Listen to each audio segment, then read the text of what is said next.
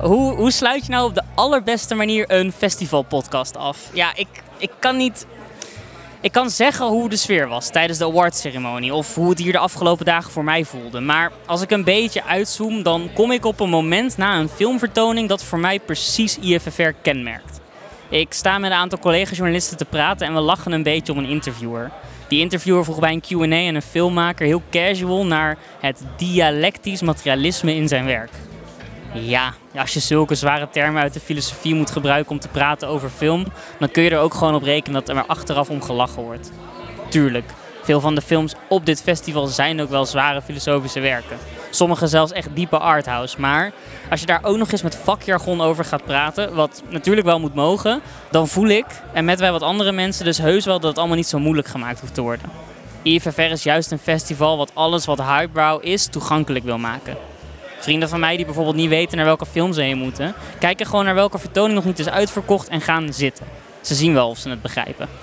Luister straks naar Bero Beijer, de directeur die de boel hier vijf jaar lang mocht runnen. En je hoort dat het ook echt wel de missie was hier in Rotterdam. Dat het doel is geweest om het publiek helemaal niet te behandelen alsof het dom is. En dat de Rotterdamse bezoeker blijkbaar ook gewoon heel veel kan hebben. Sterker nog, ik zou willen zeggen, de dialectiek bestond in Rotterdam al lang voordat het in de filmwetenschappen besproken werd. Het idee dat alles constant in beweging is en die beweging kortweg samen te vatten valt in drie fases: een these, een synthese en een antithese. Want dat is dialectiek is zelfs een eeuwenoud Rotterdams begrip. Hier in Rotterdam zeggen ze alleen niet these, synthese en antithese. De Rotterdammer zegt gewoon, ja toch, niet dan, zo dan. En dat is precies waarom Rotterdam voor mij de perfecte locatie is voor dit festival.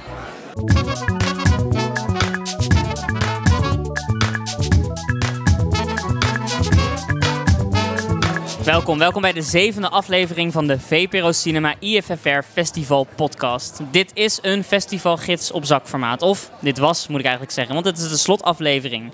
Ik ben Cesar Majoraan en ik zit vandaag voor het laatst in het festivalhart van de Doelen. Tussen de filmmakers die lyrisch een prijs in ontvangst hebben genomen bij de awardshow zojuist. En het publiek wat zich natuurlijk klaarmaakt voor morgen de laatste dag films. En vanavond nog een goed feest. Straks, hier te gast, mijn VPRO-collega Gerard Boes ik ken niemand die zoveel films kijkt als hij. Of nou ja, onze gast van straks misschien. Maar goed, Gerrit begint al ver voor het festival en is na IFFR nog steeds niet uitgekeken. We delen een kantoor, maar hij zit gegarandeerd vaker op een bioscoopstoel dan op een bureaustoel. Hij noemt drie tips zometeen. Films die absoluut onze aandacht verdienen, ook tot ver na IFFR. Mijn eerste gesprek waar ik zelf erg naar heb uitgekeken. Bero Beijer schrijft aan. Hij werd vijf jaar geleden onthaald als de Obama van IFFR. En dat lijkt me vervelend als mensen je zo gaan noemen. Maar het is ook niet echt zomaar. Bero kwam in scherpe pakken en met nog scherpere speeches en wist het festival geheel terug op de kaart te zetten. Als directeur kom je hem dan overal tegen. Zoals je in de meeste films de iconische Wilhelm screen herkent, herken je in het publiek bij elke première op het festival altijd een glim van Bero. Altijd daar in zijn donkerblauwe jasje even komen kijken, even een praatje maken en dan door weer naar de volgende opening of première. En daar komt een einde aan, na deze editie. Bero, welkom.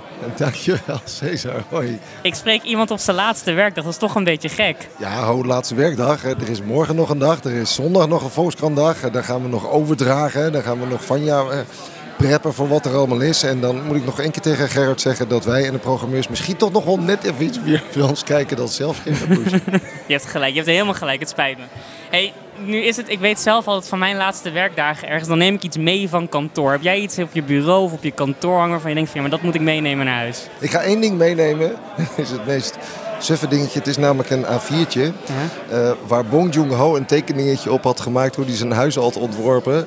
Dat is niet, is niet vet genoeg op in te lijsten of zo, maar ik neem het toch lekker mee. Ik zou het ook meenemen, wauw. Een tekening van Bong, die dus zijn huis, hoe die zijn eigen huis bedoel je dan? Of het huis in de film Parasite? Je moet je er niet te veel van voorstellen, want hij zat in natuurlijk interview nummer 642, of weet ik veel hoeveel die al heeft gedaan, 75 minimaal.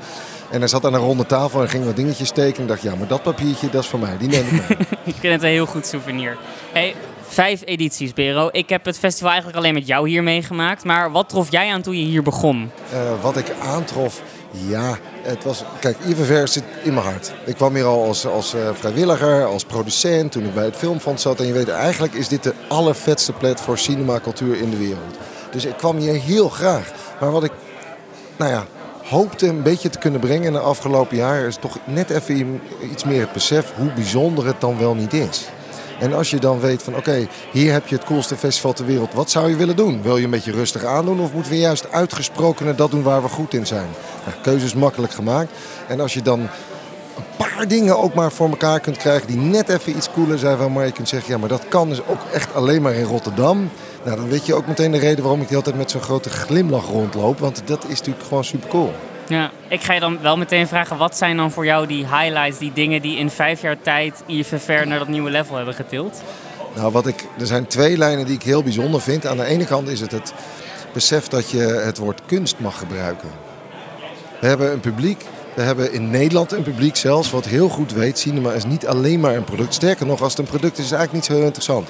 Dus als je zegt film is kunst, dan kan je het op een hele andere wijze aanvliegen. Dan kan je dus ook dingen brengen zoals een sleep cinema hotel van Apu Chapon of een installatie met Godard of Pareno of grote kunstenaars.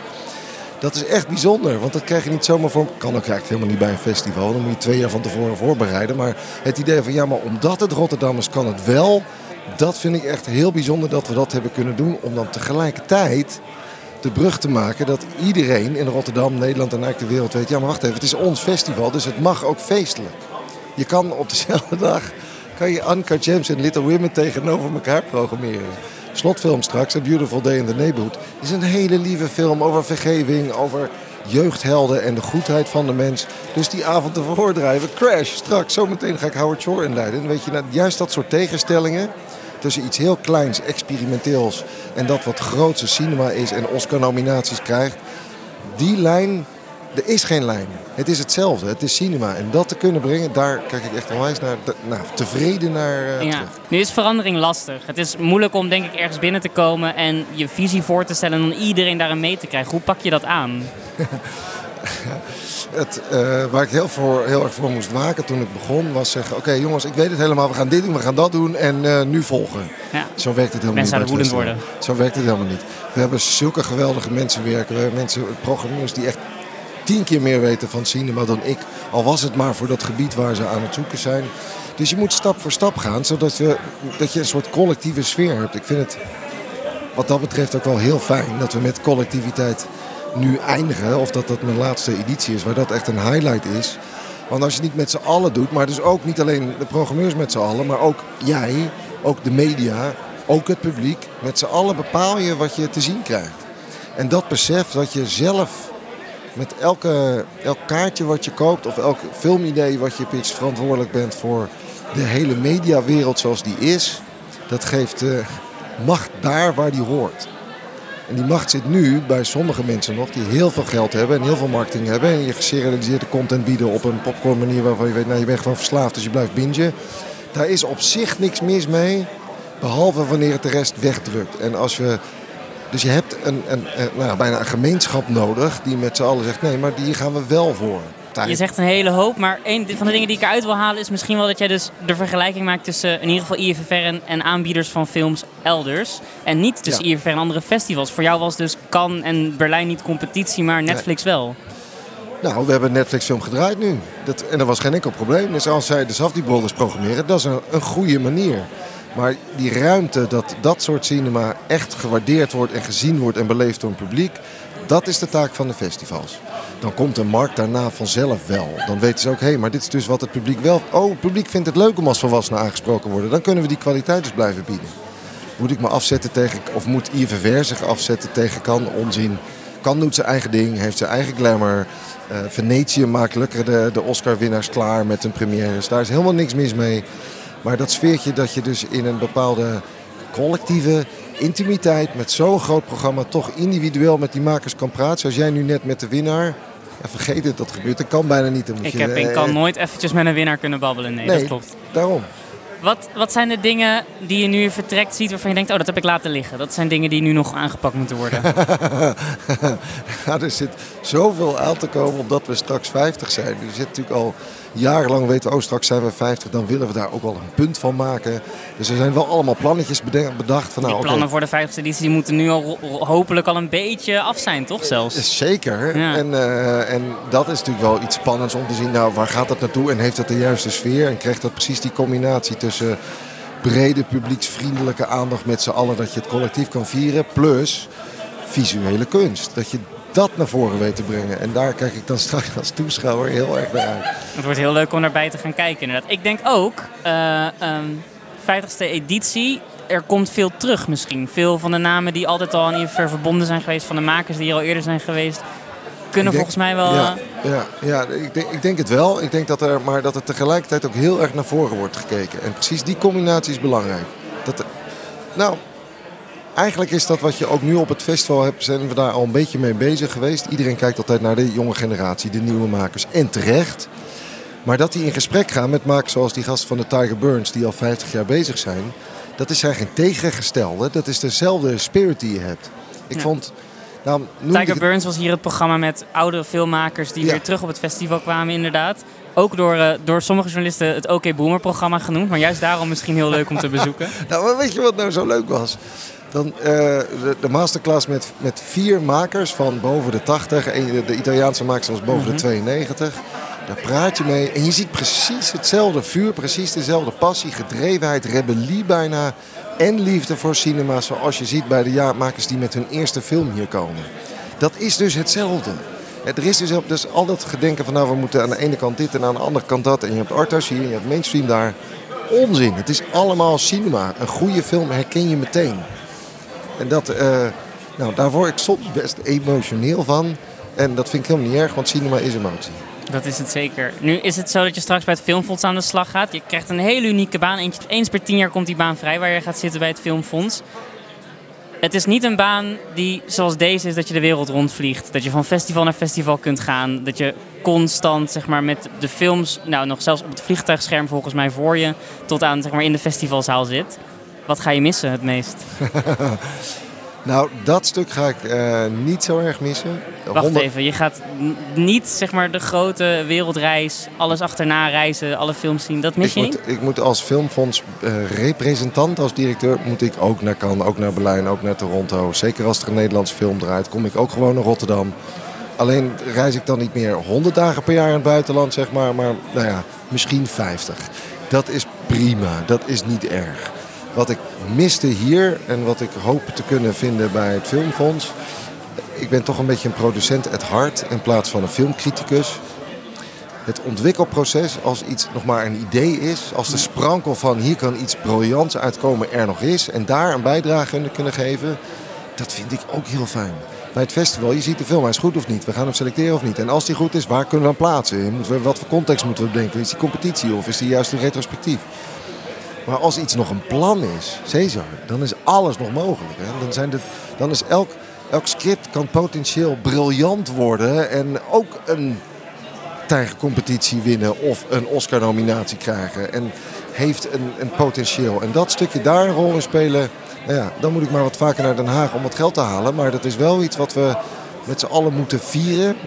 Want nou, of laat ik het zo laat ik het persoonlijk houden. Dat is het stukje wat ik hier nauwelijks heb kunnen doen. Want je kijkt dus de hele tijd en praat en ontmoet.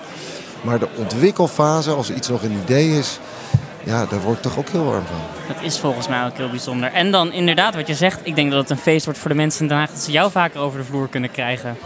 ik bedoel, ik weet hoe die mensen bij het Filmfonds eruit hebben gezien de laatste jaren. Dat is, dat is ja, ook een beetje een oké boomer clubje in mijn hoofd altijd. Ach, uh, je moet altijd dingen blijven vernieuwen. Je moet altijd weer mensen erbij halen. Je moet altijd dingen luisteren naar mensen die goede ideeën hebben. En dan, nou ja, dan moet je met leuke mensen gaan werken. Dat doen we ook bij het festival. Dat doen we ook met de programmeurs. Daarom hadden we ook die opening van een nieuwe curator. Want ja, wij weten niet wat we niet weten. Kijk maar om je heen op het festival. De wereld is zo, nou ja, dan maar even divers erin gegooid. Maar is zo verschillend qua perspectief. In Nederland hebben we dat ook. Rotterdam heeft zoveel kanten. Nederland heeft zoveel kanten. Als je een goed idee hebt en iets echt eigenzinnigs ambitieus wil brengen... dan hoop ik dat ik daar bij het fonds een kleine bijdrage aan kan leveren. We gaan er met z'n allen naar uitkijken. En we gaan zeker de films die eruit komen ook zien, Berel. Dank je wel, ook voor de laatste vijf jaar aan IFR. Graag gedaan.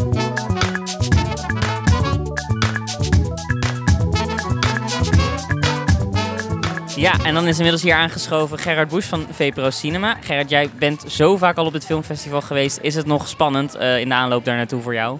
Altijd. Ja? Het is een, uh, het is een berg nieuwe films en, en de films blijven altijd spannend. En is het dan, als je dan nu zo kijkt, we zijn aan het einde van het festival, wat is de score?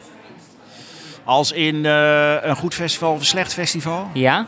Ik weet eigenlijk niet zo goed of ik dat wel weet. Want meestal als je er nog zo net middenin zit, als ik aan met een regisseur praat en ik vraag ook een beetje over zijn eigen film, zegt hij ja, maar over twee jaar weet ik eigenlijk pas wat ik heb gemaakt. En dat geldt ook een beetje voor een festival. Maar ik heb in ieder geval weer een heleboel goede films. Oké, ja, vandaag is er helaas geen tijd voor. Ik ga Oh je ja, toch oh ja, teleurstellen, want ik wil gewoon je allerbeste festivaltips. Maar je mag wel een aantal geven, want je hebt veel gezien hier. Ja, ja ik zie altijd wel 10% en dat, dat lijkt misschien heel weinig, maar er zijn iets van 500 films hier, kort en lang. Dus eh 50 films vind ik best een heleboel. Dus vind ik heb aardig wat te boel. zien. Ja, wat, eh, wat, is de, wat was je eerste opvallende film? Welke film dacht je meteen al van, ah, dit is een hele goede binnenkomer? Het meeste ben ik omvergekogeld door eh de nieuwe film van Josh en Benny Safdie, Uncut Gems. Ja, ik ben zo blij, want het is nu het einde van, de, van het festival. En dan eindelijk iemand die Uncut Gems noemt. Een film waar toch, naar mijn gevoel, de hele filmwereld het al een maand over heeft. Iedereen is in de ban van die film, terecht dus. Zeer, wat mij betreft zeer terecht. Het is een luide film, het is een meeslepende film, maar het is ook een poëtische film en een prachtige film. En waar gaat Uncut Gems dan precies over? Die Uncut Gem uit de titel is een, is een heel groot stuk ongeslepen eh, opaal. En, eh, Dat is een edelsteen. edelsteen en eh, een gem. En eh, hij speelt, Sandler speelt een, een hele beetje chaggerende eh, juwelier. Die overal schulden heeft en zijn vrouw bedriegt. En, en denkt dat hij met die steen die hij stiekem uit Ethiopië heeft gehaald... dat hij eindelijk dan geluk zal krijgen. En de film is eigenlijk één lange helle tocht voor de, voor de beste man. Dus het is...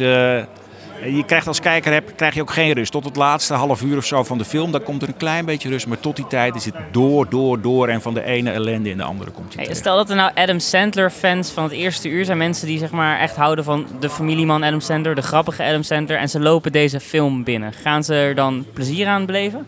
Nee. Nee, maar... Dit is een hele harde nee. Nou ja, dit is, dit is, dit is, eh, dit is wel arthouse. Een randje arthouse eh, crossover, zou ik maar zeggen. Dus dit, dit- hier moet je wel... eh, dit is niet om te lachen. Je kan er wel om lachen, maar dat zijn van die grimlachetjes. Hoe heet dat? eh, dat, je, dat, je, ja, dat je eigenlijk wil huilen, maar toch De glimlach lachen. kan er nog vanaf. Net. Oké, ik weet genoeg. Het is Jam Season. Ik heb zoveel zin in Uncut Gems ook. Ehm, andere film? Heb je nog iets wat je is opgevallen hier? Ja, we, we hebben hier de, de, de Tiger-competitie. En daar zitten een- altijd een heleboel eh, beginnende makers in. Met allemaal best wel moeilijke films. Uit het echt, dat is diepe arthouse, zal ik maar zeggen. En daar heb ik er eentje van gezien, die heet La Fortaleza. En, en die, eh, dat vond ik toch ook een hele fijne film. Uit Venezuela. Een soort parallel verhaal over, eh, over een man die de weg kwijt is. En eigenlijk gaat het ook een beetje over Venezuela, waar ze de weg kwijt zijn. En is dat dan, is dat dan dus ook echt een, een Bright Future film? Is dat dan van een jonge maker? Heb je, heb je iets van die maker kunnen zien? Weet je wie dat is? Nou ja, ik heb zijn film kunnen zien. eh, En that's it. Ik ik weet dat hij die film... Zijn vader speelt de hoofdrol. En hij heet eh, Jorge Thiele Armand. Maar die, die, die hele naam eh, was nieuw voor mij. Ja. Is dit dan, hoe werkt het dan op IFR? Dit is dan zo'n jonge maker, die krijgt dan de kans om op een groot festival zijn film te vertonen. Is het dan voor jou ook meteen een naam die, als je hem weer gaat zien, dat het dan een soort belofte is van hé, maar dit was goed? Zeker. Dus dit kan een eh, springplank zijn. Nou ja, ik heb... Denk, de allereerste keer met Jorgos Lantimos was ook gewoon in Rotterdam. Hè, de- eh, met Dogtooth toen. En eh, ja, die, eh, die gaat nu wel eh, lekker. Dus wat dat betreft, eh, je komt hier vaak makers aan het begin tegen... die dan op een gegeven moment komen ze niet meer terug naar Rotterdam... maar dan gaan ze naar, met hun grote films naar eh Cannes of naar eh, Toronto, Venetië. Lijkt mij alleen maar een grote eer voor dit festival. Tuurlijk, dat is een beetje Ajax toch? Opleiden en dan eh afzien. Een beetje Ajax. Eh, nou, Gerrit, je laatste tip. Wat is, wat is nog meer eh, iets waar we naar uit moeten gaan kijken met z'n allen? Eh, de Australische film Baby Teeth. Prachtige film, een soort balanceeract, want, want de film zit net zo vol met pijn als met humor. En tegelijkertijd blijft alles heel echt. Het is, de, maakster Shannon Murphy eh, heeft dat gebaseerd op een toneelstuk. Dat zie je trouwens helemaal niet terug. Het is echt wel een film. Eh, maar die heeft, zo, die heeft zulke goede eigenzinnige keuzes gemaakt dat die, dat die, die personages, een meisje sterft aan kanker en die maakt v- 15 jaar pas en wil eigenlijk nog even ja, een beetje volwassen worden. Hè? Wel dingen mee, maar nou, seks en zo, een vriendje, heeft ze nooit gehad. En dan ziet ze ineens een 23-jarige junkie.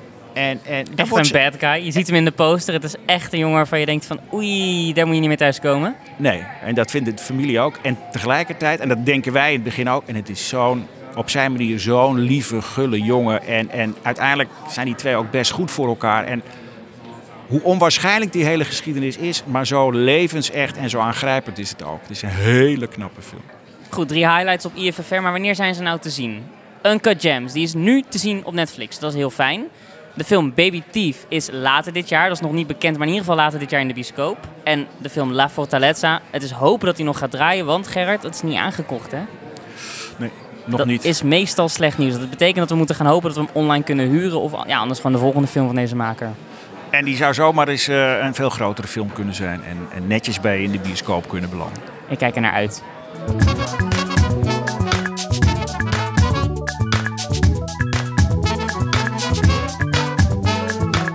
Dit was hem, de hele reeks afleveringen die ik opnam op het Filmfestival van Rotterdam. Als je binnenkort een keer verlegen zit om een goede filmtip, dan hoop ik dat je aan me denkt. Hier in de podcast zijn namelijk ontzettende parels voorbijgekomen. Dingen die ik zelf het komende jaar ook echt graag wil gaan zien. Maar voor nu was het hem dus. En ik wil jou, de luisteraar, bedanken voor je aandacht. Wij van VPRO Cinema zijn het hele jaar bezig met film. Ons eerstvolgende festival is Cannes, maar volg ons in de tussentijd en je zult getrakteerd worden op recensies, achtergronden, interviews en tips. En als je hebt genoten van deze podcast, dan wil ik je natuurlijk vragen om een recensie achter te laten. Dat kan in je favoriete podcast-app, maar zoals je weet, niks moet. Dankjewel.